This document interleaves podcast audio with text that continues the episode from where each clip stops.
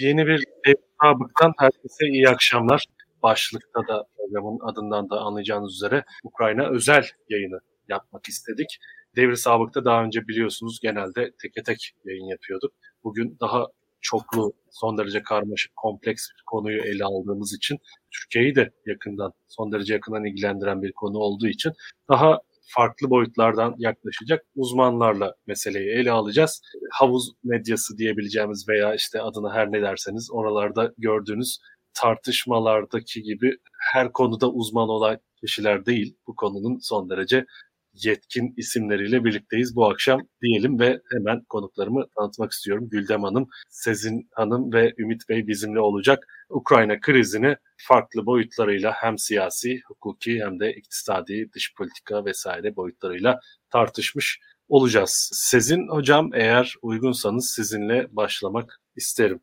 Rusya özellikle Putin'in iki gün önce yaptığı açıklama uzun aslında konuşma sonrası dünyada artık yeni bir uluslararası sistem dengesinin oluşmaya başladığına dair yorumlar yapıldı ve aslında tabiri caizse hiçbir şey artık eskisi gibi olmayacak dendi.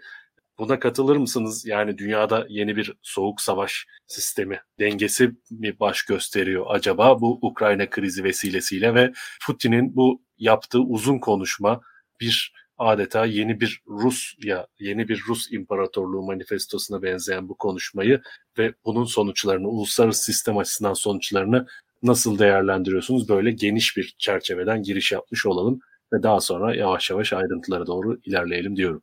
Şimdi ya benden çok daha iyi anlatacaklardır. Aslında Rusya'nın perspektifini özellikle Nazmi Bey de orada. Dolayısıyla Rusya'nın perspektifine ben kısa değineyim. Ya Putin açısından baktığımızda aslında bu yeni bir durum değil. Bir süredir, bir süredir dediğimiz çok uzun erimli bütün aslında iktidarı boyunca adım adım bugünlere geldiğini görüyoruz. Yani aslında onun açısından bir tutarsızlık veya yeni bir öyle bir düşüncesizce adım söz konusu değil. 2007'deki e, bu Münih konferansındaki konuşmasında zaten bugünün çerçevesini çizmişti Putin.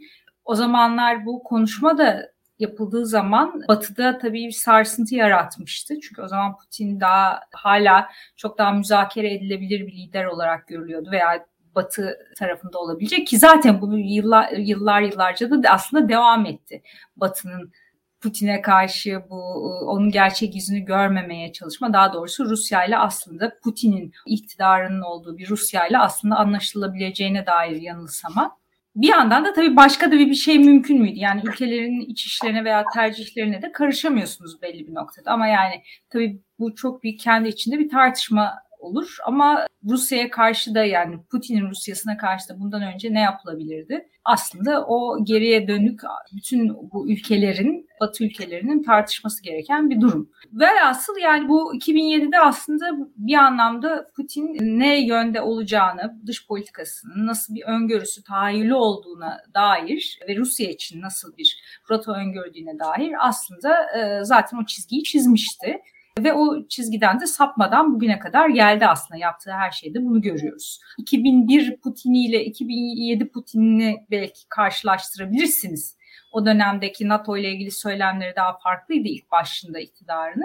Ama e, artık yani bu e, ilerlediğinde ve yerini sağlamlaştırdığında bir kendi düzenini kendi ülkesinde önce kurduğunda zaten dünya düzenine dair de bir e, perspektifi vardı. Şimdi e, bu perspektifin gerçekleşmesine aslında katkıda bulunanlardan, en büyük katkıda bulunanlardan biri de Donald Trump oldu. Çünkü e, ABD başkanlığı döneminde hakikaten de dünyanın, İkinci Dünya Savaşı sonrası dünyanın oluşturduğu ve Soğuk Savaş dönemi tabii ki ve sonrasında şekillenen bütün o, o güvenlik mimarisinin aslında farklı biçimlerde, farklı sebeplerle Donald Trump da karşısındaydı.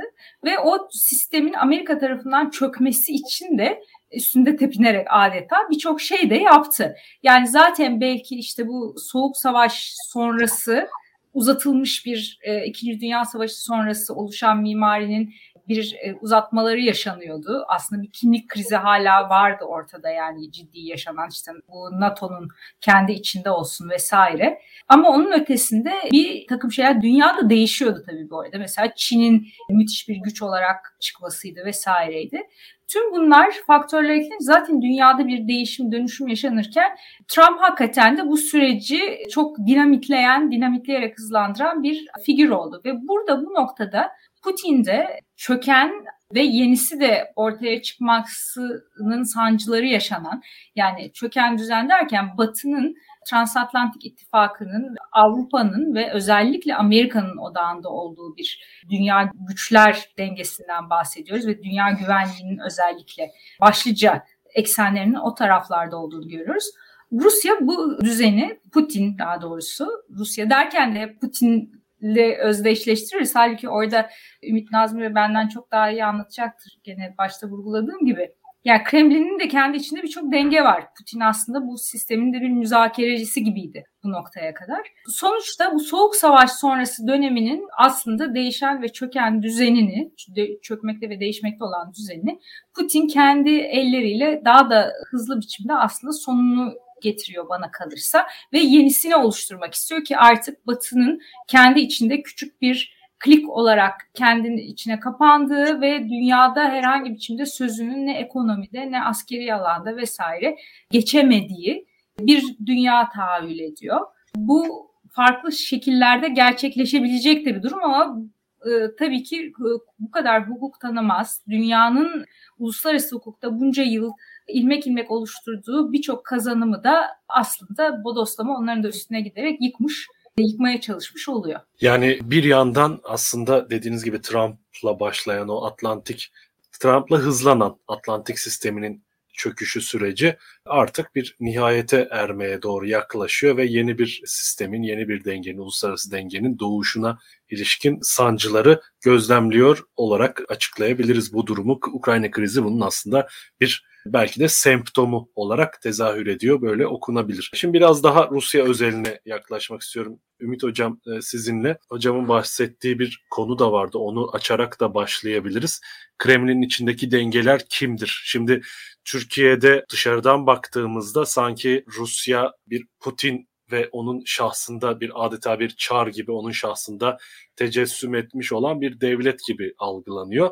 E, haklı olarak tabii ki yani e, insanların bu kadar derinlemesine bir dış politika veya işte Rusya politikası bilmesinin imkanı yok ancak bir yanıyla Rusya'da farklı bir devlet yapısı, bürokrasisi var aslında ve orada bir devlet aklının neticesinde de bir yandan bunlar oluyor diyebilir miyiz? Bunu biraz daha açabilir miyiz ve siz e, özellikle Putin'in bu yani o tarihi konuşmasını nasıl değerlendiriyorsunuz? Bundan sonrası için Rusya'nın gidişatına ilişkin bir bir aşama değişikliği miydi? Bir basamak atlama mıydı bu? Normalde 1990'lı yıllarda yani ilk Sovyetler yıkıldığı zaman e, oradaki liberalleşme sürecinin başlaması ve disovyetizasyon dedikleri, disosyalizasyon yani sosyalizmden kurtulma süreci de olarak adlandırılabilir. O dönemin başlamasıyla beraber aslında ülke biraz oligarkların eline düşmeye başlamıştı ve Putin'i getiren güç aslında Siloviki dediğimiz böyle askeri, bürokratik e, elitlerden ve istihbarattan oluşan bir yapı getirdi. Yani bu Putin bu yapının sonucunda iktidara geldi ve bu yapı daha çok e, milliyetçi, muhafazakar ve emperyal Rusya'nın oluşturulmasını savunan bir yapı. Ve zaten Boris Yeltsin'in indirilme süreci de bu şekilde başladı. Yani Boris Yeltsin'in önüne bir takım dosyalar sunuldu. Bir bakıma istifaya zorlandı. Ve bu yapının gelmesiyle beraber aslında bu bürokratik yapı tekrar hegemonyasını kurmaya başladı. Daha çok istihbarat merkezi. Çünkü Rusya devleti istihbarat devleti ve Rusya'yı ayakta tutan istihbarattır. Tabii bu bir konsensum var aslında burada. Yani milliyetçi, muhafazakar, sosyalist grupların da oluştuğu. Mesela bu şu anda Rusya'da komünist parti var, sosyalistler var, Avrasyacılar var, muhafazakarlar var. Üç grup olarak belki bunları tanımlayabiliriz. Fakat bunların her ne kadar bakış açıları farklı olsa da fikirleri bir noktada birleşiyor. Yani metodolojik olarak farklı ama amaç olarak aynı amaç ekseninde birleşebiliyorlar. Mesela sosyalistlere göre eski Sovyet coğrafyasına tekrar entegrasyonu sağlanması gerekiyor. Bunu sosyalist ideoloji üzerinden yapılması gerektiğini düşünüyor. Avrasyacılar ise bunun Avrasya konsepti üzerinden yapılması gerektiğini düşünüyorlar. Öte yandan muhafazakarlar ise Çarlık Rusyasına atıfta bulunarak Çarlık Rusyası'ndan Çarlık Rusyası üzerinden bu coğrafyada hakimiyetin tekrar sağlanmasını istiyorlar. Fakat üçünün ortak özelliği metodolojik ve metot olarak farklı baksalar da amaç olarak Rusya'nın eski Avrasya coğrafyasında ve hinterlandında gücünü konsolide etmesi.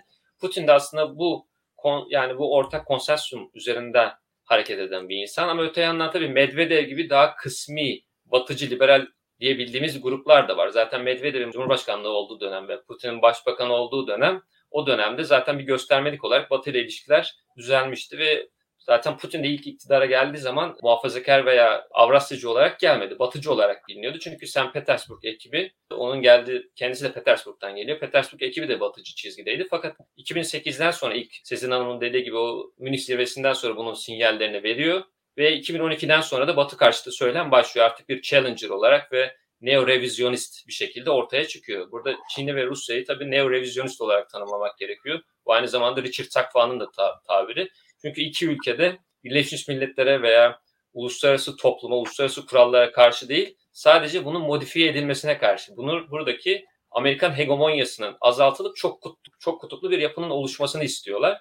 Bundan dolayı neo-revizyonist olarak adlandırabiliriz. Tabii Putin'in gitgide 2012'den sonra daha fazla Avrasya'daki gücünü konsolide etmeye çalışması biraz da Batı'nın geri çekilmesiyle paralel bir durum. Çünkü 2008 finans krizinden sonra işte Çin gibi, Hindistan gibi diğer aktörler yükselmeye başladı ve biraz Batı'nın dünya politikasındaki etkisi azalmaya başladı. Bununla beraber ise Rusya daha fazla üstüne gitmeye başladı. 2008'deki Gürcistan krizinde Batı'nın bir adım atamadığını gördüğü için bu sefer 2014'teki Kırım'da, Kırım olayında bu sefer daha patavatsızca mı diyelim artık, daha patavatsızca ve kendine güvenen bir şekilde adım attı. Bir bakıma Batı çekildikçe Rusya daha fazla ön plana çıkmaya ve istediklerini yapmaya ve eski Sovyet coğrafyasındaki gücünü konsolide etmeye başladı. Yani Çin ekonomik olarak Rusya ise askeri olarak Batı'ya meydan okuyor. Zaten Rusya'nın ben ekonomik olarak Batı'ya meydan okuyabileceğini de zannetmiyorum. Rusya'nın en önemli aracı askeri aracı, Çin'in ise ekonomik aracı. Diğer bir noktaya gelirsek makalesiyle ilgili. Şimdi 2001 bu senenin Temmuz ayında bir makale yayınladı. Sonra iki gün önce Donetsk ve Luhansk'ın tanınması ile ilgili konuşma yaparken çok uzun bir konuşma gerçekleştirdi. Ve e, ben makale bu konuşmayı da okudum. İlginç bir şekilde İngilizcesi Rusçasından daha uzun. İngilizcesi 15 sayfa gibi bir şey. Orada şöyle diyor, Ukrayna'yı tanımlarken şu şekilde diyor, orada Bolşevikleri şiddetli bir şekilde eleştiriyor. Diyor ki Bolşeviklerden önce Çarlık Rusyası varken bu topraklar işte Rusya'nın bir parçasıydı ve Malaya ve Velika ve Mala Rusya diye tanımlıyor. ikiye ayırıyor. Velika Rusya dediği büyük Rusya, şu anki Rusya. Mala Rusya dediği zaten küçük anlamına geliyor Rusya. Ukrayna'yı da Mala Rusya olarak tanımlanıyor. Ve burada bu ülkelerin şu anki Kazakistan, Azerbaycan, Ermenistan aslında dolaylı olarak bunu atıfta bulunmuş oluyor. Bunların yapay bir şekilde yaratıldığı Bolşeviklerin iktidara gelmesiyle beraber bunlara self determinasyon haklarının verildiği ve bunları toprakların verildiği, bu toprakların verilmesiyle beraber bu ülkelerin uluslaşma ve topraklaşma, devletleşme süreci yaşadığını söylüyor. Bir bakıma bu toprakların Ukrayna'nın yapay olduğunu dile getirmeye çalışıyor ve sert bir şekilde Lenin'i eleştiriyor hatta bu makalesinde. Ve bu toprakların Rusya tarafından hediye edildiğini söylüyor. Bu da tabii Rusya'nın ve Putin'e ne kadar emperyal bir bakış açısına sahip olduğunu gösteriyor. Tabii bu sadece Ukrayna açısından değil, mesela Kazakistan gibi diğer ülkeler açısından da bir bakıma tehdit unsuru. Çünkü Rusya'da mesela bazı milliyetçi gruplar Kazakistan'ın kuzeyinin e, Rus toprağı olduğunu gösteriyor. Putin'in bu ifadesi de aslında bununla paralellik gösteriyor ve bir bakıma belli noktalarda diğer ülkelerin, Ermenistan, Kazakistan gibi ülkelerin de e, Rusya'nın hegemonyasına çıkmaya kalktığı zaman e, o toprak sorunları yaşayacağını ve bir takım vücutlarından parça koparmak kaybetmek zorunda kalacaklarını gösteriyor. Çünkü Gürcistan örneğinde de Ukrayna, Ukrayna örneğinde de olduğu gibi Rusya hegemonyasına çıkmak isteyen ülkeler bir bakıma bedel ödediler. Yani vücutlarının bir parçasını kaybetmek zorunda kaldılar. Gürcistan Ossetya, Abazya'yı kaybetti. Bugün Rusya, şey Ukrayna, Kırım, Donetsk, Luhansk'ı kaybetti. Moldova eğer Batı ile tam entegre olmak isterse Transdinyester hatta Gagauza'yı da kaybedecek. Çünkü ben Gagauza'ya da gittiğim zaman orada da Rusya'ya bir yakınlığı görmüştüm. Yani genel olarak toparlamak gerekirse burada birkaç cümleyle Rusya'nın okuduğum makale itibariyle Putin'in makalesinden şöyle bir şey çıkardım. Emperyal vizyona var ve Çarlık Rusyası. Yani kendi hayal ettiği Rusya Çarlık Rusyası. Sovyet Rusyası da değil. O Çarlık Rusyası'ndaki o hinterland'ı tekrar konsolide etme amacı var ve kendisinin e, ideolojik olarak da muhafazakar, ılımlı muhafazakar olarak tanımlayabilir. Zaten bunu da kendisinin tabiri. Yani kendisini ılımlı bir muhafazakar olarak tanımlıyor ve bu muhafazakarlık üzerinden zaten şu anda bir kimlik yaratmaya çalışıyor.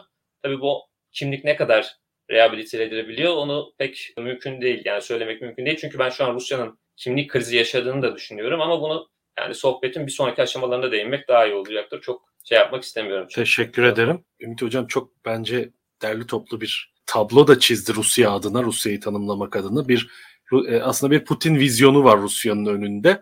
Tabii ki bunun uluslararası sistem ayağını da ele alacağız. Yani az sonra sizin hocama döneceğim. NATO ile ilgili kısmını soracağız. Çünkü ortada bir NATO faktörü var ve olaylar buraya kendi kendine gelmedi aslında. Batı'nın bu süreçteki dahli çok önemli. Özellikle NATO'nun dahli çok önemli. Oraya döneceğim. Fakat bu yeni Rusya vizyonunun Güldem hocama sormak istiyorum. Bunu devam ettirecek, bunu sübvante, sübvanse edebilecek ve şu an aslında karşılaştığı bir, bir de batıdan gelen yaptırımlar veya sözde yaptırımlar artık bunların işleyip işlemeyeceğini siz daha iyi değerlendirebilirsiniz. Hem yaptırımlarla karşı karşıya bu talepleri, bu yeni vizyonu karşısında hem de bu vizyonun gerçekleştirebil ede, gerçekleştirebilme, finanse edebilme anlamında Rusya'nın böyle bir ekonomik altyapısı var mı veya Avrupa ile olan ilişkileri, Batı ile olan ilişkileri böyle bir vizyonu hayata geçirmeye sizce yeterli mi? Ben tabii Rusya ekonomisi uzmanı değilim ama uzun pers ya da perspektifle şöyle biraz geçmişe doğru dönüp baktığımızda Sovyetlerin dağılması arkasından Rus Rusya'nın bugünkü bildiğimiz Rusya ekonomisinin de toparlanmasının bir zaman aldığını, çok büyük problemler olduğunu, işte kişi başı gelirin düştüğünü ama işte eskiden gelen sanayi yatırımlarının sayesinde bazı şeylerin üzerine basarak ilerlerken en büyük avantajının da her zaman işte Gazprom olduğunu ve asıl enerji kaynakların orada olmasının avantajıyla yaşamını devam ettirdiğini izliyoruz kabaca hani ekonomist olarak en azından ben öyle. Dolayısıyla oradan kaynaklanan gelirlerin dağılımı ile ilgili zaten sanıyorum Rusya kendi içinde problemler var. Bu oligarkların güçlenmesi işte sermayelerini ya da oradan kazanımlarını batılı devletlere aktarmaları, oradaki ilişkilerin devam etmesi, iktidarın bu şekilde var oluşu ama tabii büyük kaçırdığı bir rekabet savaşı var dünyada. Bir tarafta Çin'in gelişmesi sürecinde benzer bir yatırımla ya da benzer bir değişimle onu yakalayamamış olmak, oradan gelen alışveriş, işte enerji verip aynı dünyanın aldığı gibi imalat üzerinden e, maddeleri, ham maddeleri, tüketim maddelerini alabilmiş olmak, batıdan aldığı ara mallarıyla kendi sanayisini destekliyor olmak gibi bir yapısı var şu anda ve bu hantal yapı aslında çok da bu bahsettiğiniz tekrar işte Çarlık Rusyası ya da Sovyetler Birliği adını sizler nasıl koyarsanız öyle bir vizyonu elde etmesini ekonomik olarak zorlaştıran bir döngü içinde. Ama ne var? İşte şu yaşatılan süreçte 2008 küresel finansal krizinden sonra ya da o krize kadar gelen yolda arkasından enerji fiyatlarının düşmesi, arkasından tekrar pandemiyle beraber düşüp sonra ertelenen talebin işte küresel ekonomideki bu hareketlikle enerji fiyatlarının yükselmesi ve son jeopolitik risklerle bunu eğer sürdürürse bu seviyede böyle tam bir fiziksel sıcak savaş olmadan enerji fiyatları da petrol fiyatlarının 100 doların üzerinde kalacak olması kısa ve orta vadede Rusya'nın kaynak yaratması için mükemmel ortam gibi gözüküyor. Diğer taraftan işte dünyada bir iklim krizi var, enerji kaynaklarının değişmesi söz konusu. Bütün bunlarla da bu fırsat penceresi aslında belki de bir 30 yıllık bir süreçle sınırlı da olabilir. Onun yarattığı bir avantaj var. Bir taraftan da işte 2014'teki Kırım'ı işgal ettiği dönemdeki gibi değil Rusya ekonomisi de biraz daha buna hazırlıklı. Yaptırımların ne, ne şekilde geldiği tecrübesi var. Nereden vurabileceği tecrübesi var. İşte baktığınız zaman rezervleri çok güçlenmiş durumda. Altın stoğu çok güçlenmiş durumda. Enerji fiyatlarının artması bütçesini güçlü bir hale getiriyor. O bütçeden halkın desteğini elde etmek için kaynak aktarması mümkün hale gözüküyor. Dolayısıyla aslında böyle bir operasyonu kısa vade içinde hazır ama orta vadede sizin sorunuz sürdürülebilir mi böyle bir iddia Rusya'nın mevcut ekonomisiyle? Biraz zor gözüküyor. Çünkü rekabet açısından, altyapı açısından hala Batı'nın gerisinde, şu an için Çin'in gerisinde. Dolayısıyla bambaşka bir takım ilişkiler ağına girmesi gerekiyor ki Batı'yla da bu sizin bahsetti, sizlerin bahsettiği sebeplerle çok olma ihtimali düşük olduğu için bundan sonra biraz Çin'le ilişkilerini geliştirmesi gerekiyor. O yüzden işte Japonya'nın arkasından Çin'den gelen bu yaptırımlara katılıp katılmayacağı, bu yaptırımların ne kadarına destekliyor olduğu çok önemli bir hale gelecek. Rusya'nın Putin'in bu arzularını devam ettirebilme potansiyelini kavramamız için. Tabii bir de sadece belli Donbas bölgesinin bağımsızlığının tanınması, işte buranın defansının belki Rusya tarafından sağlanacak olması, belki oranın da bir süre sonra Rusya topraklarına katılacak olması başka bir süreç. Yaptırımların boyutları çok farklı olacak. Bir taraftan işte Ukrayna'nın içine doğru ilerlemesi eğer o tarafa doğru ilerlerse gelecek yaptırımlar çok farklı olacak. O da hani Rusya'nın dayanma gücünün ne olacağı test edileceği bir, bir iki yıllık süreci göreceğiz o zaman da. Peki bunun o zaman bu ekonomik koşulların bir de e, uluslararası sistemle olan e, uluslararası sistemin dönüşümüyle olan bir ilişkisi olacak. Şöyle bir tabloyla karşı karşıyayız. E, Ümit Bey'in de vurguladığı gibi uluslararası sisteme, hukuka, kavramlara daha işte revizyonist bir yaklaşım olduğunu vurguladı Ümit Bey. Fakat burada bu kavramları alıp işlevsel işine geldiği gibi tabiri caizse kendi ihtiyaçlarına göre kullandığını görürüz. Fakat bu sadece Rusya'ya has bir tavır değil aslında işte insani müdahale gibi demokrati demokrasi işte demokratikleştirme müdahalesi gibi çeşitli aslında kavramsal araçlar Batı tarafından da uzun yıllardır kullanıla geliyordu. Fakat Rusya uluslararası sistemin bu konvansiyonel yapısını Batı tarafından kurumsallaştırılmış olan bu yapısını aslında şu an birazcık tabiri caizse yapı söküme uğratıyor ve bunları birazcık ters yüz ediyor. Fakat bu ters yüz etme tabii ki Batı'nın eksiklerini telafi etme anlamında bir ters yüz etme sonucu doğuruyor mu doğurmuyor. Örneğin işte Ukrayna'daki tavrına baktığımızda Donbas'a karşı bir egemenlik oranın egemenliğinin tanınması baskısı yaparken Ukrayna'ya karşı adeta bu bir sahte devlettir. Bu gerçek bir devlet değildir diyor tabiri caizse. Yani Ukrayna'nın egemenliği konusunda farklı, Donbas'ın egemenliği konusunda farklı davranıyor uluslararası sistemin araçlarını kullanırken.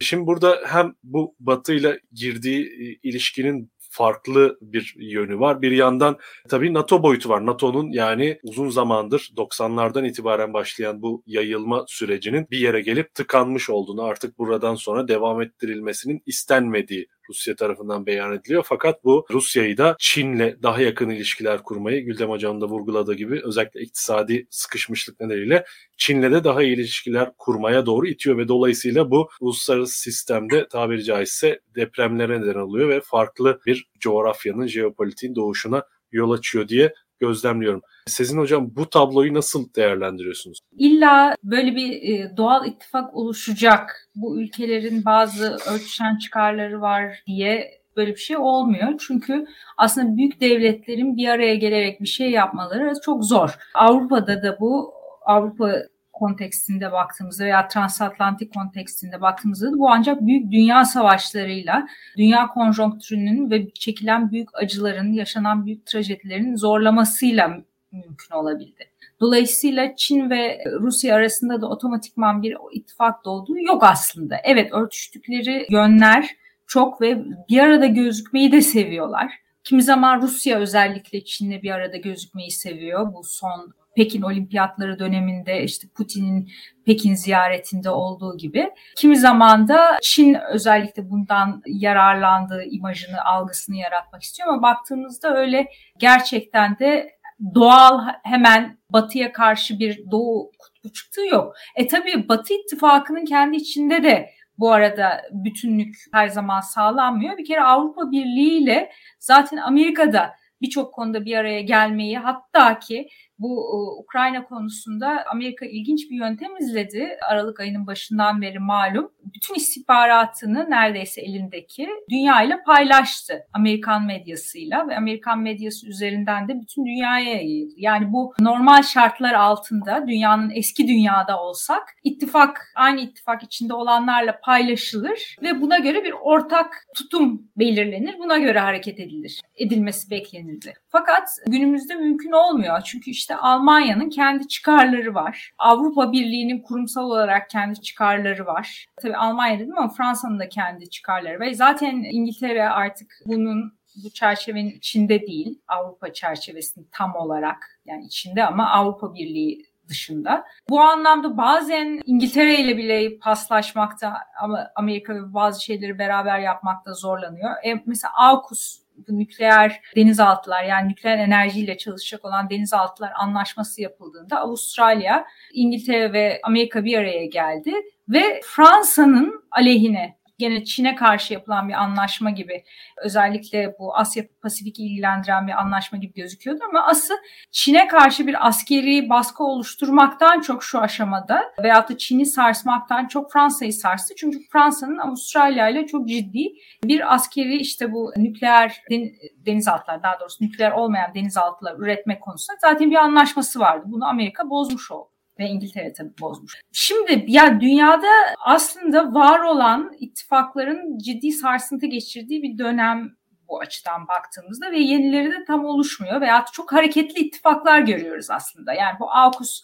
hikayesinde olduğu gibi bir konu üzerine Batı ittifakı içinde bile gelen küçük çevreler orada işte bir dayanışma oluşuyor. Fakat diğer bir alanda bakıyorsunuz dayanışma değil hatta çekişme çatışma bile yaşanıyor. Çatışma derken mesela işte şey bir sıcak çatışmadan bahsetmiyoruz ama ticari veya hatta işte askeri konularda bir zıtlaşma içine giriliyor. Bu durumda bu tablonun içinde zaten mesela NATO'nun kendisinde de bunun yaşandığını görüyoruz. Hem de Türkiye tarafından, Türkiye perspektifinden baktığımızda özellikle görüyoruz. Çünkü Yunanistan'la yaşanan itilaflar mesela NATO'yu en krize sokan şeylerden bir tanesi ve bu yüzden de mesela NATO'nun içinde NATO'dan bağımsız bir takım askeri ittifaklar yapılmaya başlandı. Mesela Yunanistan'ın Fransa ile yaptığı bu Rafael jetleri anlaşması ve diğer askeri anlaşmalar gibi ki o anlaşmalar kime karşı yapılıyor? Aslında bir başka hepsinin içinde olduğu NATO'nun bir başka üyesine karşı güvenlik hazırlığı olarak yapılıyor. Türkiye'ye karşı yapılıyor. Çünkü Türkiye'nin tutumları ve bazı politikaları veyahut da işte çelişilen noktalardan dolayı artık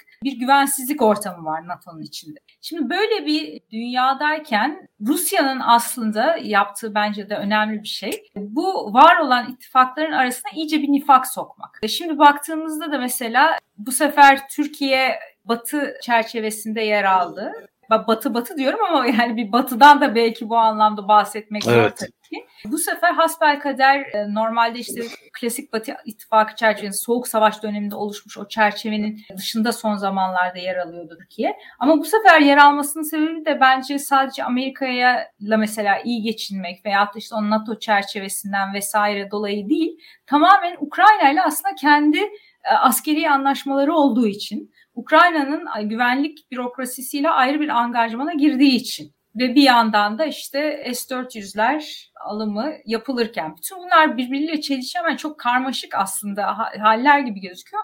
Ama baktığımızda bir yandan hepsinin kendi içinde bir mantık var. Her ülke kendi başına kendi çıkarına göre hareket ediyor ve bu Trump'ın da tam öngördüğü o America First, önce Amerika bakış açısının aslında dünyaya yayıldığını ve her aslında ülkenin kendi çıkarları çerçevesinde hareket ettiğini görüyoruz ki bu bir yandan da tabii ki büyük bir kaos demek. Putin de bu işte uluslararası hukuku hiçe sayarak aslında ve anlaşmaları hiçe sayarak bir çıkış yapıyor dedim. Mesele de bu işte yani burada o kuralların dışına çıktığımız çıktığınız zaman ne olacak? O kurallı yeni kuralları kim belirleyecek? Peki gibi bir durum var. Burada işte Rusya ile Çin'in de biraz farkına o anlamda dikkat çekeyim. Çin biraz daha var olan çerçeveyi rafine etmek veyahut da biraz daha orada kendisine geniş bir alan açmak niyetinde. Rusya burada belki de tamamen bilmiyorum Ümit Nazmi Bey ne kadar katılır yani tabii ki belki aykırı gelir ama o kuralları yeniden yazmak istiyor daha çok. Yani orada öyle bir nüans, bir fark da var ve biraz da orada çelişiyorlar bana kalırsa Çin'le. Ya yani ki bunu çok şu an göstermiyorlar ama önümüzdeki dönemde bu gerçekten de ilginç bir şey olacak. Çin'in de gelecekteki rotasının daha belirlenmesi açısından. Ee, mesela orada da bugün e, Dışişleri Bakanlığı'nın sözcülerinden Hua Chunying'in mesela bir açıklaması var. Orada işte Rusya'nın çok yanında yer alır gibi gözüküyor ama bir yandan da o mesajda şu var. NATO bu kadar köşeye sıkıştırırsa bu kadar büyük bir gücü bu olur. Ama orada kızım sana söylüyorum gelinim sen anla gibi. Yani büyük büyük bir güce bunu yaparsanız yani bana da yaparsanız Batı bana da çok fazla üstüme gelirse beni de Rusya çizgisine itmiş olur. İtmeyin gibi de bir şey var. Mesaj var orada bana kadar. Peki Türkiye'de de aslında çokça olan size tekrar bu soruyu sorup daha sonra Ümit Bey'e geçmek istiyorum. Türkiye'de de aslında çokça şu an tartışılan böyle birazcık da siyasi aslında toplum içerisinde siyasi bir e, ayrışmaya da neden olan bir mesele var. Demokrasi versus demokrasinin karşısında işte otokratik dünya, otokrasi dünyası böyle bir sanki ideolojik bir hegemonyanın da kapışması gibi lanse ediliyor NATO ile Rusya arasındaki bu gerilim. Bir ideolojik mücadele de aslında bir yandan sürüyor. Siz Türkiye'nin bu bağlamda yani karşısında böyle bir tercih olduğunu düşünüyor musunuz? Gerçekten böyle iki ideolojik yani bir çatal çıkmazla karşı karşıya olduğunu, bu çatışma içerisindeki tercihlerinin Türkiye'deki rejimin yapısı bağlamında bu tür etkileri olabileceğini düşünüyor musunuz? Sizin hocam? Pardon ben yeni tura geçtik diye düşünüyordum. Şey, yakalayabildiniz mi soruyu? Evet yakaladım merak etmeyin. Tamam. Şimdi bu aslında şöyle bir şey var. Yani burada o soru kafamda o benim soru dönüp durduğu için yani otoriter rejimler bir yanda, demokratikler bir yanda işte veyahut da işte bir şeyde yaptığınızdan beri ben de eski aslında jargonlarla konuştum program boyunca batı ve batı dışı gibi. Yani ki aslında çok arkaik bir şey. Yani bu günümüzün gerçekleri buna ne kadar uyuyor? Batıyı nasıl tanımlayabilirsiniz veya batı dışı nedir? Vesaire gibi. Şimdi bu konuyu da Biden yönetiminin yaptığı gibi otoriter sistemlerle demokrasinin savaşı gibi sunarsanız çok tehlikeli bence gene bir noktaya gitmiş oluyoruz. Çünkü Amerika kendisi zaten büyük bir demokrasi krizinden çıktı. Ve Biden de aslında bunu kendi yönetimini meşrulaştırmak için de kullanılıyor. Elbette ki yani Amerika'nın büyük bir demokrasi geleneği var. Avrupa Birliği'nin keza öyle, Avrupa Birliği ülkelerinin öyle bunları yatsıyamayız ama tabii Amerika'nın kendi işte nasıl şimdi demokrasiyle ilgili bir takım sıkıntılar varsa Avrupa Birliği ülkelerinin de var. Hatta geçtiğimiz gün ben söylediğim bir şey varmış varmış. Ben kendim unutmuştum. Biri bana hatırlattı. Avrupa Birliği üyesi ülkelerin bugün kaçı tekrardan üye olabilir? Eğer bu, o kriterler tekrar baştan kıstas alınsa. E, Örneğin bunu Polonya. En tabii, bunu en çok tabii şimdi Macaristan ve Polonya yaşıyor. En çok onların özelinde görüyoruz ama başka çeşitli Avrupa ülkeleriyle de ilgili durumları sorgulayabiliriz. Şimdi bu adeta asil soylu ülkeler yani sorunlarını halletmiş demokratik ülkeler, demokratik sistemler ve aynı zamanda sadece onlar batı da değil işte mesela Japonya, işte Güney Kore vesaire gibi ülkeler gibi böyle bir kamplaşma içine gider girersek Orada bu işin içinden çıkmamız gerçekten zor. Yeni bir kamplaşma yaratıyorsun. Burada halbuki bütün bu ülkeler arasında Rusya da bir monolitik aslında bütün halkıyla Putin'in arkasında ve her şeyi destekliyor değil. Bugün baktığımızda yanılıyor mu bilmiyorum ama Donetsk bu yeni kurulan ülkenin yapının diyelim tanınmasına yönelik Rusya'nın kendi içinde de şüpheler var bir kere.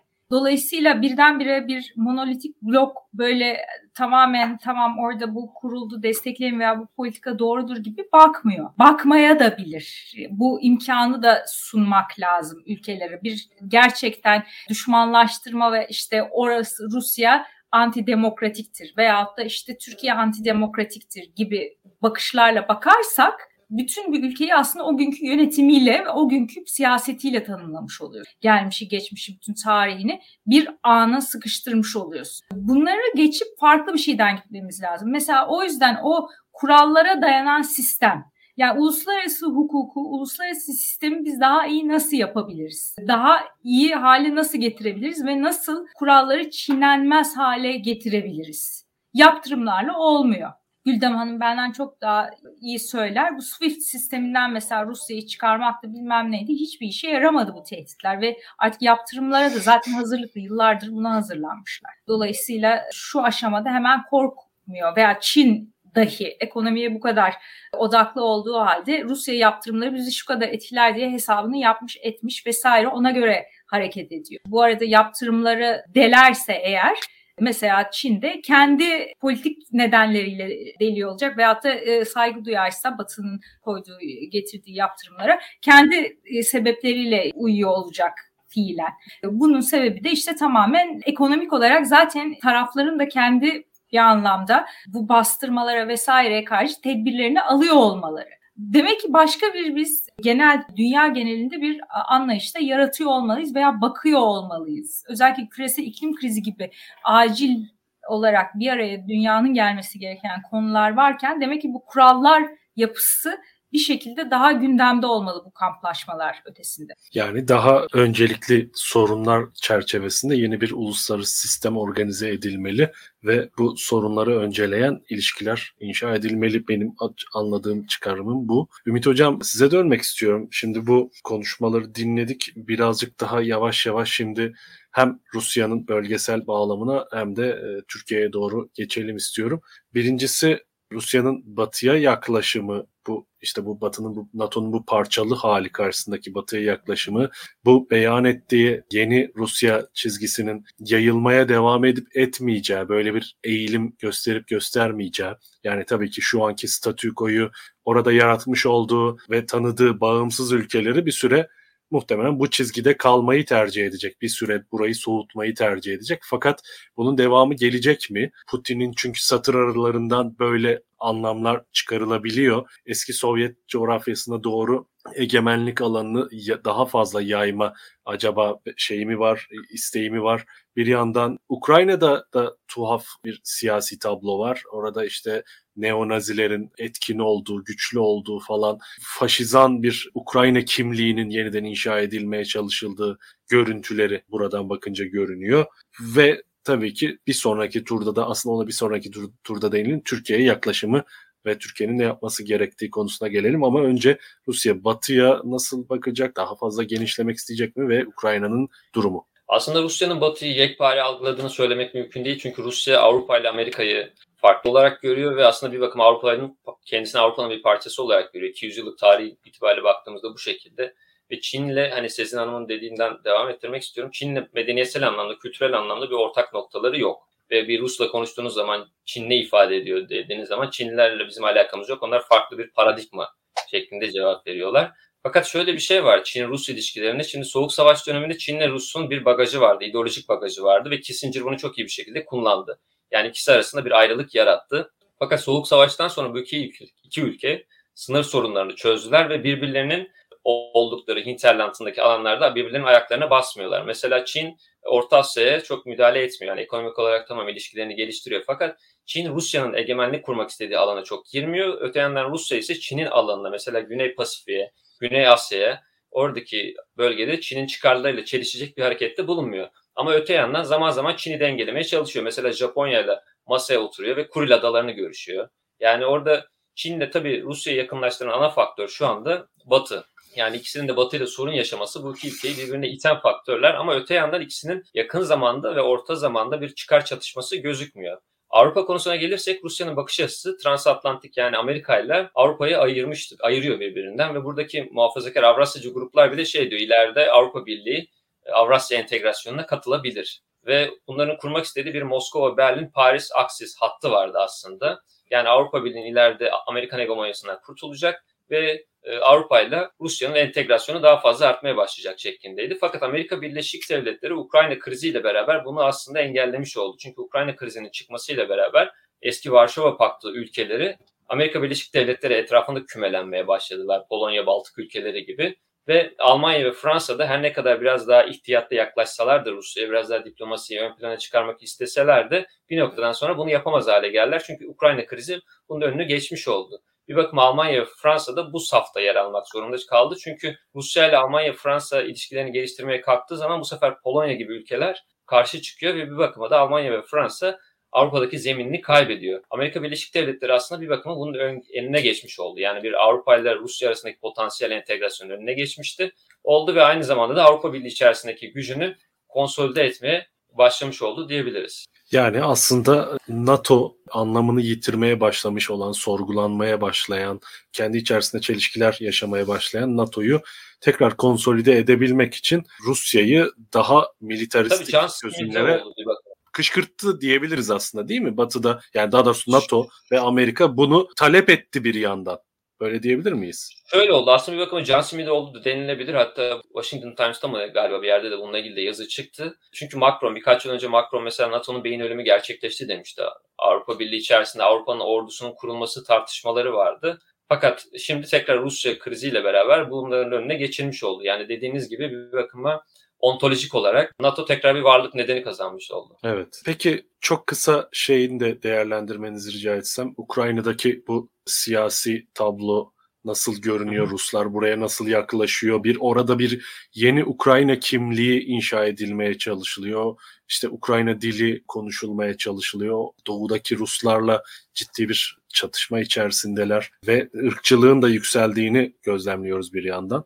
Doğru şöyle bir şey oldu aslında. Yani Rusya Ukrayna'nın topraklarının bir kısmını çaldı ama Ukrayna bir kimlik verdi. Çünkü Ukrayna kimliği bir Rus öteki sayesinde şimdi tekrar Ukrayna kimliği oluşmaya başladı. Yani bu süreci hızlandırmış oldu. 2014 yılına kadar Kırım'ın ilhakına kadar e, şöyle bir şey vardı. Ukrayna'da iktidara gelen gruplar doğrudan Rusya karşıtı olamıyorlardı veya Rusya ile ilişkileri geliştireceklerini söylüyorlardı. Çünkü Ukrayna içerisinde yaşayan Ruslar var. Biraz daha Rus dünya görüşüne sahip insanlar, toplulukları olduğu için onların da desteğini alabilmek için 2014'e kadar iktidara gelmek isteyen politik elitler Rusya ile ilişkileri düzelteceklerini söylüyorlardı. Fakat 2014 yılından sonra paradigma değişti. Çünkü 2014 Rusya'nın Kırım almasından ve Donetsk Luhansk'ı e, meselesinden sonra artık siz eğer Rusya'da, şey Ukrayna'da pardon, Ukrayna'da biz Rusya ile ilişkilerimizi geliştireceğiz dediğiniz takdirde e, Ukrayna'da iktidara gelme şansınız sıfır. Ve Ukrayna'da şu an artık hegemon bir NATO paradigması var ve bu aynı zamanda Zelenski iktidarının kendisini konsolide etmesini ve muhalifleri susturmasına da dolaylı olarak katkı sağlıyor.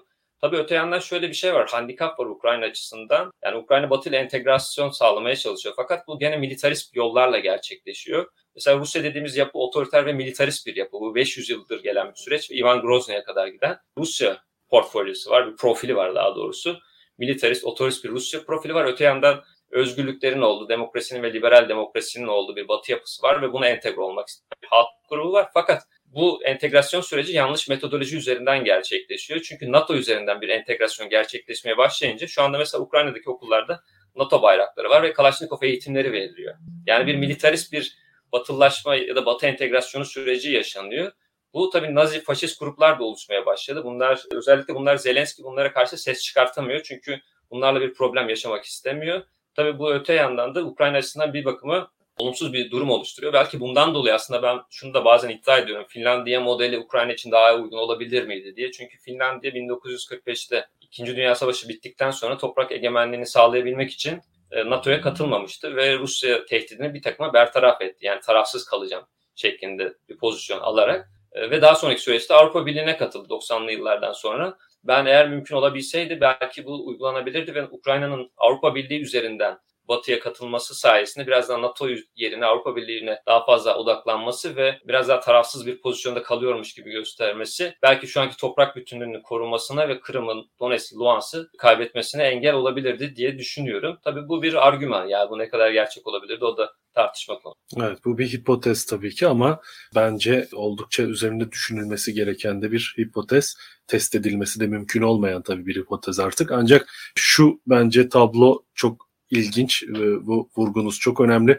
Ukrayna bir yandan batıya entegre olmak, işte tırnak içinde batıya entegre olmak, Avrupa'ya entegre olmak, Avrupa devletler sisteminin bir parçası olmak için çaba ve irade gösterirken fakat fiiliyatta defakto olarak da adeta bir Rusyalaşma, küçük Rusya'ya dönüşme zannedersem evet yolunda daha fazla, daha hızlı mesafe kat ediyor. Bu da enteresan bir Ukrayna'nın çelişkisi diyelim ve Güldem hocama dönmek istiyorum. Yavaş yavaş konunun Türkiye ile olan bağlantılarına girelim. Eminim izleyicilerimiz de işin bu kısımlarını birazcık daha merakla bekliyorlardır. Şimdi bir batıda zaten hali hazırda yükselmiş olan, dünyada yükselmiş olan enerji fiyatlarının bu krizle belki biraz daha yükselmesi veya bu krizin etkisiyle dalgalar halinde Türkiye'ye vurduğunda döviz fiyatlarının Türkiye'de daha fazla yükselmesi söz konusu olabileceğinden bahsediliyor. Fed kararı zaten bekleniyordu. Fed, Fed'in faiz yükseltmesiyle yine döviz kur, kurlarının yukarı gideceği bekleniyordu gibi birçok faktör var. İşte Rusya ile Türkiye'nin ticari ilişkileri var. Türkiye Rusya'ya enerji bakımından bağımlı ve dahası aynı zamanda Rusya Türkiye'ye buğday ve ayçiçeği de ihraç ediyor. Türkiye maalesef Rusya'dan buğday da alıyor ve Erdoğan'ın son açıklamalarına bakacak olursak Ukrayna krizinde NATO'nun tarafında yer alma iradesi gösterirken Rusya ile de ilişkilerimizi devam ettireceğiz. Bu konuda herhangi bir bozulma olmayacak gibi. Çok gri alanda duramıyor. E, gri alanda durmak istiyor ama iki tarafa doğru da çok radikal çıkışlar yapıyor gibi görünüyor. Bunun tabii ki Türkiye ekonomisi üzerinde ciddi etkileri olma ihtimali taşıyor. Gerçi bunun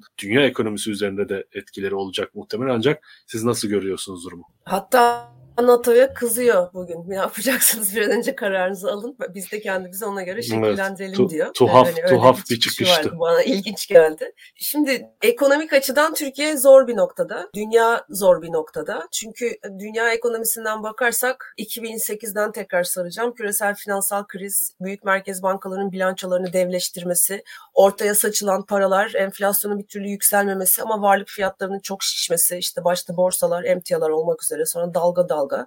Bu böyle bir 2013'te bir toplanır çabası ile bütün her şey alt üst olunca toplanmadan yerinde dondurularak devam ettirilmeye çalışması, arkasından pandeminin gelmesi, pandemiyle işte özellikle ABD Merkez Bankası açısından 4.4 trilyon dolar alan Fed'in bilançosunun 9 trilyon dolara kadar bir buçuk senede fırlaması, arkasından işte pandemi aşılarla beraber talebin tekrar piyasaya dönmesi, e, işte bu tedarik sorunu zincirleri, zinciri sorunlar içinden gelen halen devam eden emtia fiyatları sıçraması ve sonuçta 30 yıldır 40 yıldır görülmeyen bir enflasyonun dünya ekonomisinde her yerinde Türkiye'de dahil ki Türkiye'nin çok daha farklı sebepleri var ama dünya ekonomisinde bunun hissedildiği günlerden geçiyoruz. Dolayısıyla 40 senedir işte 50 senedir olmayan bir döngüde merkez bankaları hareket etmek ve ciddi olarak hareket etmek durumunda. Hani siyasi sonuçları bir tarafa bugün işte Kasım'daki ara seçimlerde Amerika Birleşik Devletleri'nde işte Biden'ın görev memnuniyeti vesaire tartışmaları içinde enflasyonun 7,5 olması yaklaşık 1 1,5 2'ler seviyesinden oraya fırlamış olması hani %700 diyeceğim.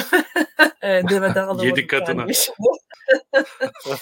Dolayısıyla hani bunun yarattığı şok, insanların bunu hissediyor olması, Biden'ın işte oy oranı daha sonra Trump gelecek gelmeyecek böyle bir yüksek enflasyonda ciddi bir şekilde mücadele edilmesi gereken bir dönem. Şimdi bu dönemde bu Ukrayna şoku geldiği zaman işte izledik. Zaten geçen sene pandemiden sonraki toparlanmayla %50 civarı artmıştı petrol enerji fiyatları. Onun üzerine sene başından beri %20 civarı daha arttı. Sene içinde 75 dolar sene sonu olur 80 olur olmaz tartışmaları yaparken bugün 100 dolar sınırını dayandı petrol. Muhtemelen de biz yayın yaparken daha karşılıklı salvalar, açıklamalar devam ediyor. Bunu biz 100 doların üstüne çıktığını, 110-120 dolarlar civarında herhalde oturduğunu göreceğiz birkaç ay içinde. Çünkü tansiyon yükselebilir ama tansiyonun geri düşmesi için ben bir sebep göremiyorum sizlerin anlattıklarından da. Dolayısıyla ekonomik olarak bu çok büyük bir şok bir kere dünyaya. Neden? Enflasyonla mücadele etmek zorundalar. O ilk denen işte pandemi dalgasıyla geldi belli birkaç sektörü vurdu. Sene sonunda işte 2020 sonunda düzelecek olmadı. 2021 devam etti. 2020 2021'in içinden öteye geçti. Bütün sektörlere yayıldı. Ücretler vesaire işte istihdam piyasası her şey etkilenmeye başladı. Buna faiz artışla dur demezler ise o 9 trilyon dolar, dolar bilanço aşırı büyük bilanço geri çekilmez biraz para çekilmezse küresel ekonomiden çok büyük kalıcı yüksek enflasyon sorunuyla uzun yıllar yaşamak zorunda kalacağız gibi gözüküyor. Fakat Ukrayna şoku, petrol şoku bir taraftan enerji maliyetleriyle enflasyonu beslerken e, bir taraftan da tabii ki belli bir ölçekte durgunluk, yavaşlık yaratacak ilk şok olarak dünya ekonomisinde. O zaman bu merkez bankalarının en çok istemeyeceği bir durumla baş başayız. Yani stagflasyonist bir ortam. Ekonomi yavaşlıyor ama enflasyon düşmüyor hatta yükseliyor.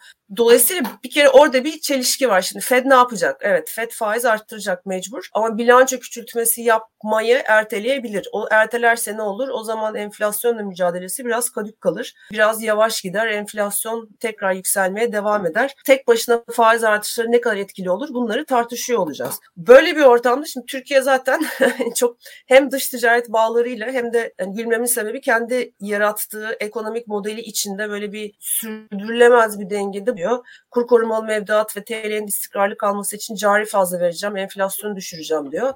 Cari fazla derken işte ihracat artacak, turizm şahane olacak, işte petrol fiyatları da belli bir yerde kalacağı için ben bu cari fazla veririm diyor. Derken bu Ukrayna oluyor ve her şey ters dönebilme potansiyeline sahip oluyor bir anda ve kontrol dışında tamamen. Neden? Enerji fiyatları cari açı yükseltecek. Bugün işte son bir hafta içinde 85 dolardan 99 dolara geldiğini gördük. Bunun cari açı eklediği oran yaklaşık 5,5-6 milyar dolar civarında hiç yoktan. Şimdi o aşamada değiliz. İşte yaklaşık 2019 pandemi öncesi Rusya ve Ukrayna'dan 8,5 milyon turist gelmiş ama bu sene o seviyeye tekrar ulaşılması bekleniyordu. Evet cari açık üzerinde etkili olacaktı turizm gelirleri.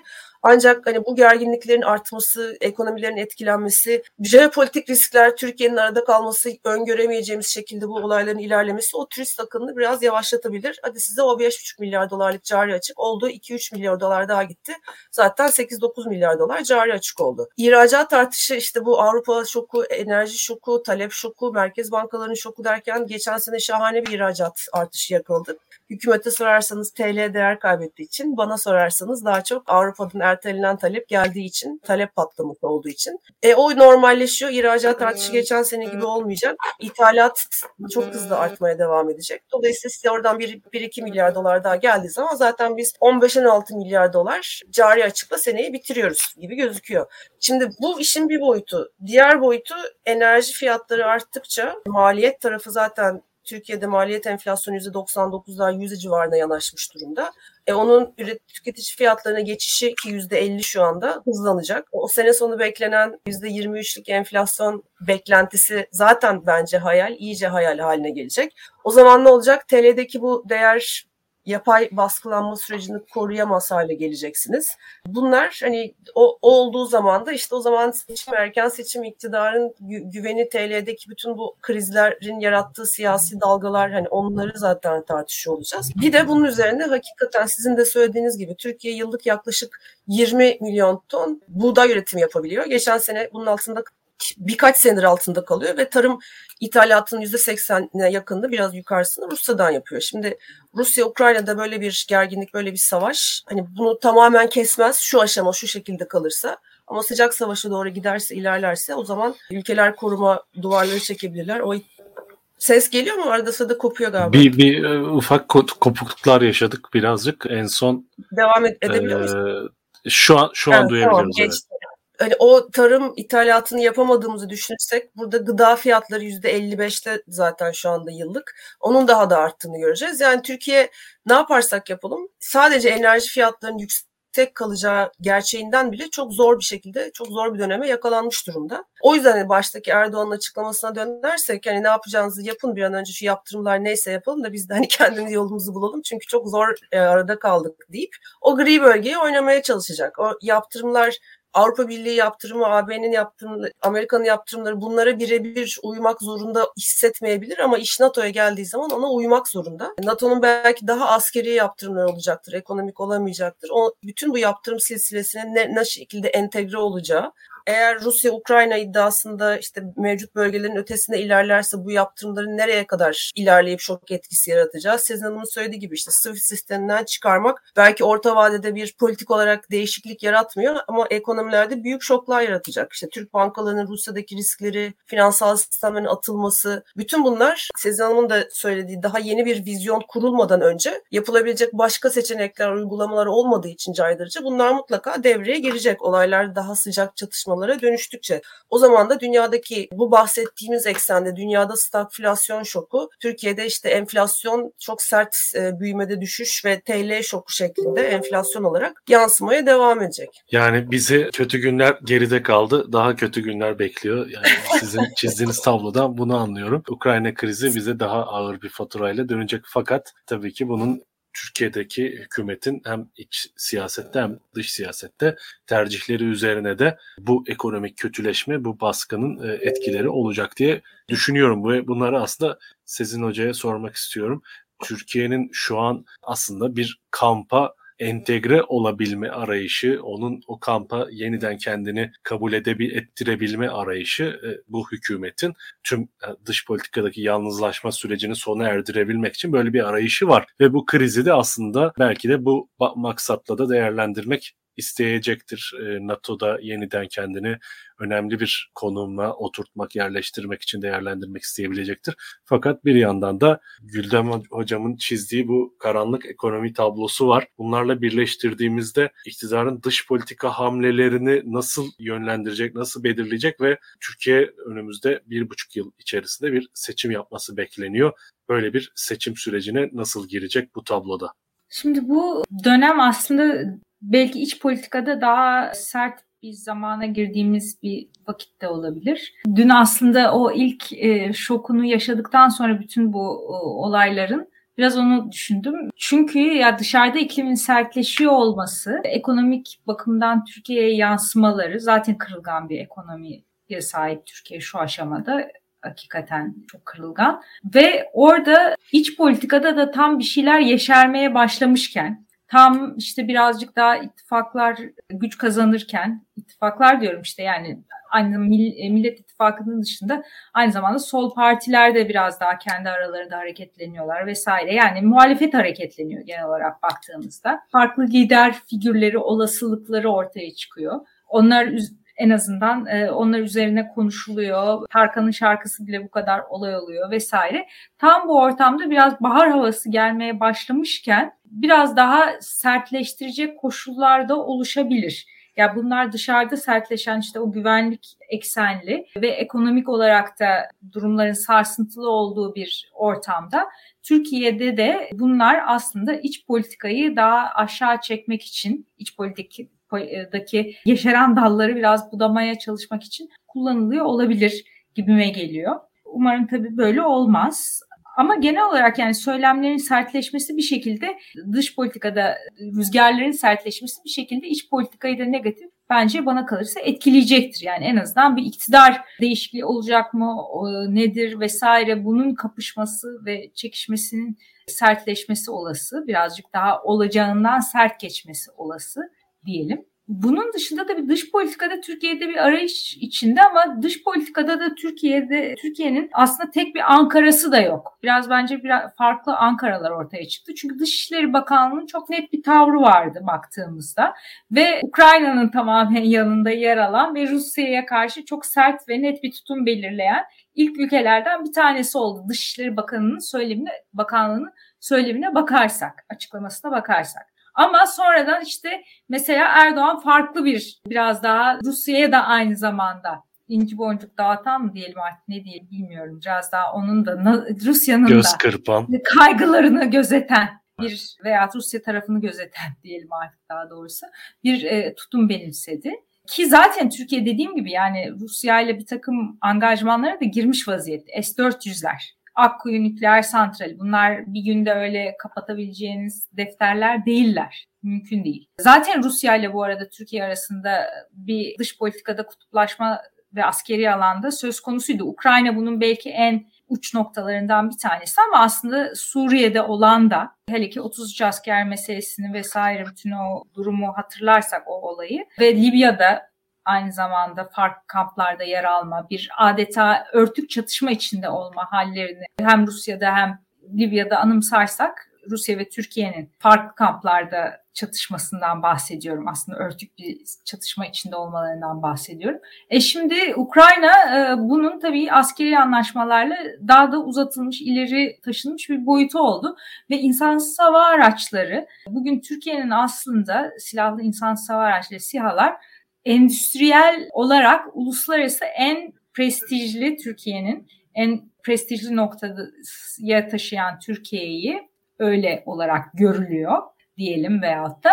Ve aynı zamanda Türkiye'nin bütün bu dünyanın teknolojik yaşadığı gelişmeleri yakalayabildiği kendisi için hem ekonomik hem de aynı zamanda askeri güç olarak bir sert güç olarak büyük ıı, kendince getirisi olan bir alan e, iktidarlar değişse de bence Türkiye'de o konuda çok fazla geri adım atılmayacaktır. Çünkü orada dediğim gibi bir takım işte angajmanlara girdi, anlaşmalar yapıldı, e, bir satış var, bir endüstri gelişti orada.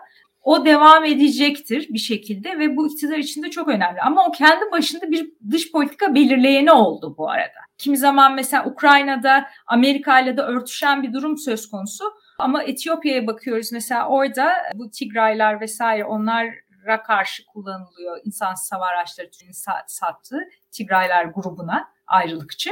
Ve orada mesela Amerika Türkiye'ye karşı çıktı. Böyle durumlar aslında enteresan dönen böyle o şeylerde daha önce de bahsettiğim e, ittifak halleri veya çatışma halleri ülkeler arasında çok hareketli bir takım kutuplaşmalar ve birleşmeler halleri bu alanda da sihalar konusunda da yaşanıyor baktığımızda. Neyse yani sonuç olarak Türkiye'de işte farklı aslında dış politika belirleyen odaklar demeyeyim ama bir güç eksenleri de var. Türkiye'de bunların aslında bileşiminden ve ortalamasından bir politika oluşturmaya çalışıyor ama baktığımızda işte şimdi yani Amerika'nın yeni açıklaması vardı 48 saat içinde daha da büyük bir hani tam bir Ukrayna'nın işgali başlayacak Rusya tarafından gibi.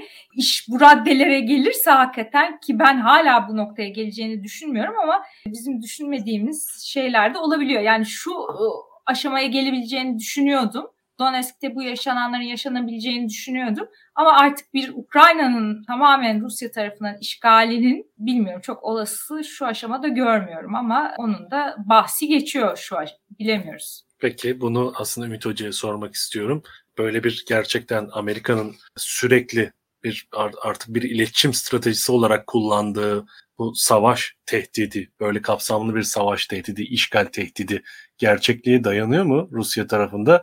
İkincisi de Rusya Türkiye'nin bu içinde olduğu, içinde kalmaya çalıştığı gri alanı nasıl bakıyor? Böyle bir Türkiye'nin tutumunu etkilemek için bir şeyler yapacak mı veya daha pasif bir yerde kalması Rusya için yeterli mi? Birinci sorunuzla başlamak gerekirse ben e, Rusya'nın Ukrayna'nın tamamını alabileceğini düşünmüyorum. Çünkü Ukrayna çok büyük bir coğrafya. Yani bu coğrafyayı aldıktan sonra bu coğrafyayı kontrol etmesi gerekiyor. Tekrar orayı gelişimini sağlaması gerekiyor. Sadece belki salam stratejisi uygulayabilir. Yani parça parça.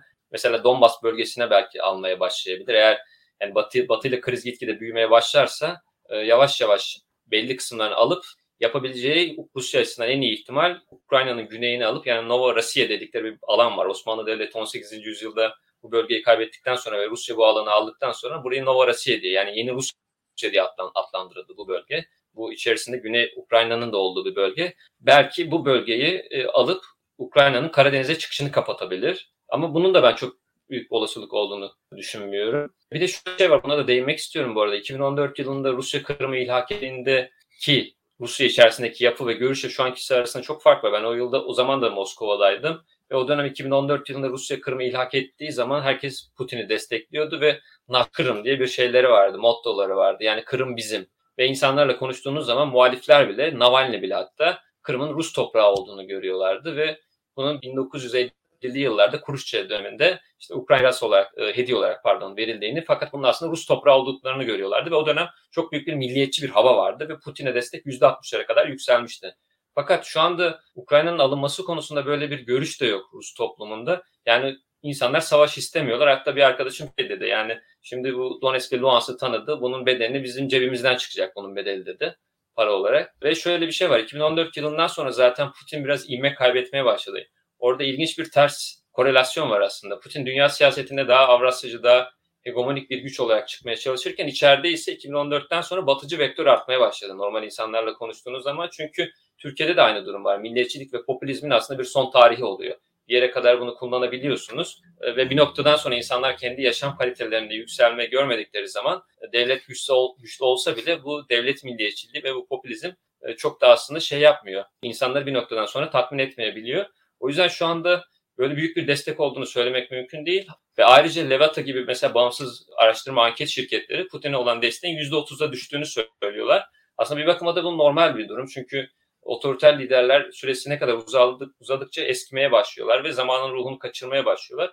Ondan dolayı 2014'teki Kırım'ın alınmasındaki destek de şu anki Ukrayna'nın alınması konusunda böyle bir destek ne entelektüellerde ne de kamuoyunda böyle, ne de toplumda sıradan insanlarla konuştuğumuzda bile böyle bir şey yok. Hatta tek bir cümleyle bunu bir örneklemek gerekirse bir arkadaşıma mesela Rus arkadaşıma söylediğim zaman Ukrayna Rusya Ukrayna'yı almalı mı dediğim zaman o da şöyle bir cevap vermişti. Rusya Ukrayna'yı alsan olur, almasan olur. Ülkedeki gençlerin %50'si Rusya'dan ayrılmak istiyor şeklinde bir cevap vermişti. İkinci sorunuza gelecek olursak Rusya ile Türkiye arasındaki ilişkiler şöyle. Şimdi Türkiye biraz daha denge politikası izlemeye çalışıyor. Fakat denge politikasının çok büyük handikapları ve riskleri de var. Ve Rusya açısından Türkiye'ye nasıl bakılıyor? Şöyle bakılıyor. Moskova Devlet Üniversitesi'nde bir tane doçent var adını belki vermeyeyim. Türkolog. Kendisiyle en son konuştuğum zaman Türkiye uzmanı şey demişti. Sonuçta biz ne kadar ilişkilerimizi geliştirirsek geliştirelim Türkiye ile. Türkiye sonuçta bir NATO ülkesi.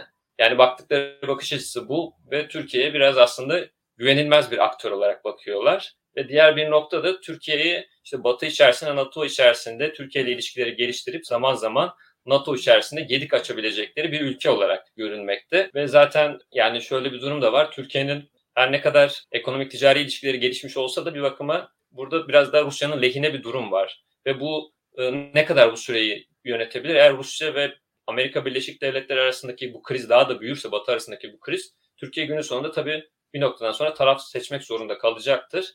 Çünkü Rusya tarafı Ukrayna'daki mesela silah satışından rahatsızlık duyuluyor. Zaman zaman bunu dile getiriyorlar. Ve en son mesela Türkiye Erdoğan şey yapmıştı. Arabulucu olmak istemişti. Rusya ve Ukrayna arasında. Buna karşılık Lavrov geçen hafta bir şey açıklamada bulunmuştu. İşte Türkiye ile Yunanistan arasında bir takım sorunlar var. Biz de Türkiye ile Yunanistan arasında arabulucu olabiliriz Ege'deki sorunlar için şeklinde.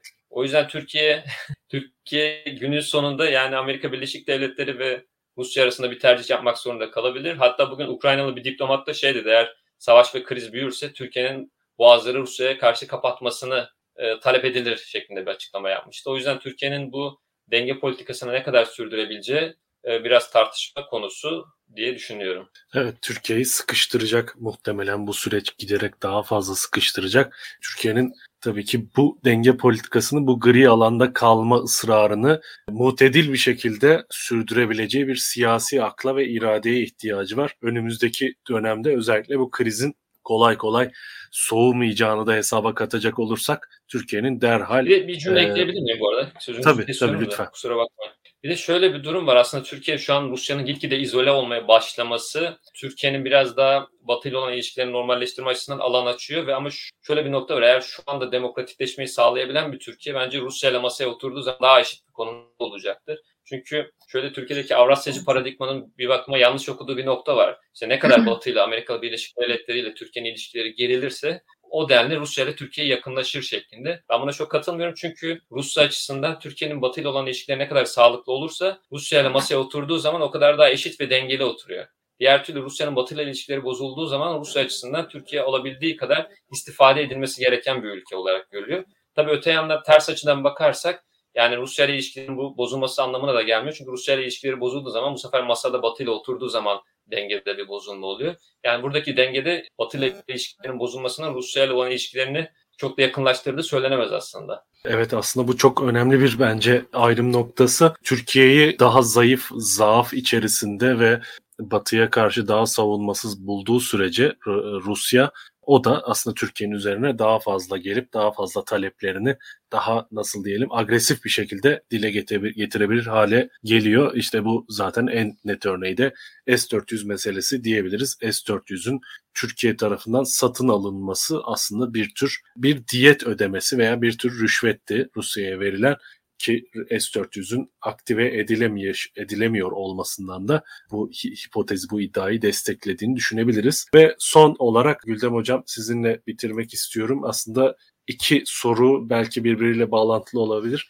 Birincisi bu Batı'nın şu an Avrupa ve Amerika'nın uyguladığını söylediği ve daha da büyüteceğini söylediği bu yaptırımların gerçekten büyüme şansı var mı sizce? Batı açısından böyle bir potansiyel olanak var mı? İkincisi de siz özellikle şu an muhalefet partilerinin ekonomi politikalarının stratejilerini de bir yandan inceliyor ve Türkiye'de olası bir iktidar değişikliğine ilişkin bir ekonomi vizyonu da aslında çizmeye en azından bu anlamda eleştirilerinizi sunmaya çalışıyorsunuz. Türkiye'de bu kriz ortamında bir iktidar değişikliği bu az önce çizdiğiniz karanlık tablonun e, bir nebze olsun iyileşmesine katkı sunabilir mi bu krize rağmen diyeyim? Yani ilk sorunuzdan başlamaya çalışayım. Şimdi yaptırımlar ne kadar ilerler? Avrupa tarafındaki aslında en ciddi yaptırım Almanya'dan geldi. Çünkü aslında yine sizlerin konuştuğu perspektife baktığımızda hani NATO olmasaydı işte Rusya Avrupa ile daha Avrupa kimliği üzerinden birleşebilir. ABD ile Avrupa'nın ilişkisi biraz daha Trump döneminde soğudu. Belki bu kadar tamir olmaz ise belki biraz daha farklı bir geçişkenlik olabilirdi orada. Zaten bu doğalgaz işte bağımlılık diye şimdi tanımlıyoruz. Çünkü Rusya agresifleşiyor, Putin agresifleşiyor ama sonuçta bunlar bağımlılık değil bir ticari ilişkiler üzerinden yıllarca işte neredeyse 6-7 senede 10 milyar, 11 milyar e, euro aktarılarak bu işte Kuzey Akım 2 inşa edildi. Bütün bu damar gibi yani kanı taşıyan damar gibi enerji Rusya'dan Avrupa'ya doğru geliyor. Yoksa zaten orada bir ticari birliktelik var. O anlamda Amerika'nın Almanya'yı bu krizde, Ukrayna krizinde yanına alabilmiş olması, işte hani Merkel olsaydı olmasaydı başka çözüm yolları olur muydu? İşte Macron o liderliği oynuyor. Yani o tartışmaların dışında Kuzey Akım 2'nin gerçekten işte o tescil sürecinin dondurulması en azından şimdi geri çekilmesi bence çok önemli bir adım. Boşuna zaten çıkıp da o açıklama yapılmadı. Yani siz de 2000 dolardan, 2000 eurodan alırsınız doğal gazınızı görürsünüz. Hani enerji krizinin ne olduğunu önümüzdeki kış aylarından itibaren spot piyasaya kalırsınız denmedi. Ama hani kuzey akım zaten gerçekleşmemiş bir şeyi dondurmak akıma başlamamış bir şeyi en azından geciktirmek bu stres belli olana kadar önemli bir sembolik olarak önemli olsa da genel hatlar olarak Rusya'dan Avrupa'ya olan akımı kesmiş kesildiği anlamına gelmiyor. Dolayısıyla çok da o anlamda etkili bir yaptırım değil. Bundan sonra işte Putin'in e, bahsettiğimiz sizlerin konuştuğu bu planlara bağlı. Hani o bölgede mi kalacak? O bölgeden ilhakı olacak mı? İşte Kırım'la birleştirme çabaları olacak mı? Ukrayna içine doğru bu iş büyüyecek mi? İşte bugün haberler var 190 bin kişi işte şu kadar harekete geçti Ukrayna'nın içine doğru gidiyor. Şimdi bunlar bu tür adımlara öyle bir seviye atladığında tabii ki yaptırımlar çok daha ciddi olacaktır. Çünkü ekonomik olarak kısa vadede çökertmek işte askeri gücünü oradan e, geri çekmesini sağlamak istenecektir. O çok başka bir senaryo ama bugünkü şekliyle kaldığında bizim yaşayacağımız en sert ekonomik şok dünya ve Türkiye için enerji fiyatlarındaki kalıcı yükseliş olacak. Belki bu savaş stresinin daha da yükselmemesiyle 150 dolara gitmeyecek petrol ama 100 doların üstünde kalması bile 2014'lerden beri ilk defa gelen bir şok. İşte az önce bahsettiğim şekilde küresel enflasyon şoku ve bu kalıcı bir hale gelecek. Ama tabii bir taraftan da işte İran petrolü devreye girdi girecek tartışmaları var. İşte OPEC üretimi arttırabilme potansiyeli var. Bütün bunlar böyle 100 dolar sınırını çok da geçmesin. Tekrar 80 dolarlara dönsün diye. Bu tansiyon eğer piyasalar bunun daha yükseğe gitmeyeceğini anlarsa e, büyük ihtimalle 100 doların altına düşecektir. Ama her gün gelen açıklamalar bunun pek de artık bu saatten sonra kolay olmadığını düşündürüyor. Bu resim içinde Türkiye'ye bakarsak yani bütün bu Ukrayna krizinin ötesinde dahi hiç olmasaydı bu aşamaya son bir hafta 10 günde gelmeseydi Türkiye zaten çok kırılgan bir dönemden geçiyordu. Bu Türk lirasındaki bu yapay baskının sürdürülebilme şansı bence yoktu. Zaten mevcut enflasyonda Fed bu adımları arttı, arttığında işte Avrupa Merkez Bankası ya da Avrupa ekonomisinden gelen enflasyon rakamları da benzer yükseklikte. Son çeyrekte Fed'e eşlik etmeye başladığında faiz artışlarıyla zaten biz son çeyrekte baya bir TL tarafında bu yapay istikrarın sağlanamamaya başladığı işaretlerini almaya başlayacaktık. Dolayısıyla o anlamda çok sürprizi değil. Bu şimdi biraz daha hızlı, biraz daha sert bir şekilde gelişmelere bağlı gelebilir. Çünkü enflasyon e, yeni petrol şokuyla yükselmeye, maliyet tarafı yükselmeye devam edecek. Bu, bu süreç uzunca bir süreç olacak. İşte bu tartışmalar evet belki savaşa evrilmeyecek ama güç dinamikleri, güç tartışmaları, Putin'in varlığını koruyabilmesi, daha milliyetçi yaklaşması, Ukrayna'yı hedefe koyması, işte bütün bu tartışmalar e, bu yeni dönemin çok uzun soluklu ekonomik etkileri olacağını da anlatıyor bir taraftan. Yine enerji fiyatları ve beklenmedik şok dalgaları üzerinden çok büyük ihtimalle. Hani hükümet seçeceği sordunuz. İkinci soruya geçiyorum yavaş yavaş. Hükümet değişir de farklı bir kadro göreve geldiğinde bu büyük krizleri, bu büyük çalkantıları çözebilecek yapısı olur mu? Çözemez belki ama çünkü dış, dış şok bütün bunlar ama çok daha sürdürülebilir ya da yönetilebilir bir hale getirebilir. Bunlardan bir tanesi işte hani dış politika kurumlarını Dışişleri Bakanlığı'ndan başlayarak Türkiye'nin kurumlarının gücünün yeniden tesisi belli bir süreç içinde. Bunun önemli bir parçası olur. O değişimin yarattığı ilk dalganın buraya getireceği tekrar sermaye sıcak para ilgisi en azından TL'nin ateşini belli bir dönem yani çok kısa olmayacak bir dönem kalıcı bir şekilde söndürebilir. Enflasyonla bir mücadele alanı yaratılabilir. Çok da fazla faiz arttırması gerekmeden. Bu alanda eğer gerçekten değişimleri böyle işte sanayi politikasını değiştirmek, eğitim politikasını değiştirmek, bütün bu bahsettiğimiz hani artık başlık olarak sıkıcı ama içindeki konuları söyleyince daha anlamlı hale geliyor. İlerletici önlemlerle beraber devreye girerse bu tür dış şoklara dayanıklılığımız çok hızlı bir şekilde artabilir. Çünkü Türkiye'de şu anda yabancı sermaye neredeyse yok. Geldiği alanlar çok daha verimli alanlar olacaktır böyle bir değişimle. Kısa vadede sıcak paranın girmesi bile çok dediğim gibi enflasyonla mücadelede bir zaman kazandırabilir. İşte Naci Ağbal döneminde olduğu gibi 4-5 ayda çok şey değişebiliyor bu tarafta. Daha rasyonel adımların atılacağına dair inanç bir kadro, bir işte ortak bir ses, özellikle hukukun, demokrasinin güçlendirileceğine dair vaatler, adımlar, bütün bunlar Türkiye ekonomisini çok farklı bir yere hızla taşıyabilir. O zaman dış şoklardan elbette etkileniriz ama şu andaki gibi işte dolar TL tekrar 18 lira 20 lira doğru giderse gidecek demiyorum. Bakın BDDK siz de dinleyin. Ama hani olur da öyle bir senaryo gerçekleşirse biz o zaman şeyi konuşmuyor olacağız. İşte bankaların sermayeleri ne oldu, ne olacak? Bütün bunları konuşma gereği hissetmiyor olacağız. Çünkü o, o şoklar daha sürdürülebilir, yönetilebilir hale gelecek. Türkiye tekrar kurumsal yapısına kavuşursa. Daha iyi bir eskisine göre daha iyi bir sisteme doğru ilerleme çabası en azından olursa diye düşünüyorum. Öyleyse bu yaşadığımız bu uluslararası krizin, bu uluslararası sistem krizinin bir yanıyla bu dönüşüm sancılarının, bu yeni sistem inşası sancılarının Türkiye'de zaten zorunlu hale gelmiş olan iktidar değişikliğini daha da fazla kaçınılmaz, elzem ve acil bir hale getirdiği sonucunu çıkarıyorum ben açıkçası. Bu yaptığımız tartışmaların toplamından dünyayı zor zamanlar bekliyor, öyle görünüyor. Dolayısıyla Türkiye zaten zor zamanlardan geçiyordu. Bunun üzerine binmiş oldu. Bu sıkıntılı dönemi az hasarla atlatabilmek için Türkiye'nin tekrar bir toplumsal mutabakatı inşa edebilecek, hukuku işletecek. Dolayısıyla da ekonomik anlamda bu dar boğazı az hasarla atmayı sağlayabilecek yeni bir iktidar perspektifine ihtiyacı olduğu anlaşılıyor. Bu Ukrayna krizi özel yayınının da sonucunda yine Türkiye'de iktidar değişikliği konusuna bağlamış olarak bitirmiş olayım programı. Değerli konuklarıma çok teşekkür ediyorum. Güldem Atabay, Sezin Öney ve Ümit Nazmi Hazır programa çok değerli katkılar yaptılar. Beni kırmadılar. Burada bir buçuk saate yaklaşıyor yayınımız. Bence çok keyifli, çok verimli bir yayın oldu. İzleyenler ve daha sonra izleyecek olanlar için de çok öğretici bir yandan bir yandan da tartışmalara, yeni tartışmalara açabilecek güzel bir sohbet oldu diyelim. Kanalımızı çok teşekkürler. Ben teşekkür ederim bu arada. Ben çok şey öğrendim programdan. Hakikaten Ümit Nazmi Bey ve Güldem Hanım'a da çok teşekkür ediyorum ayrıca.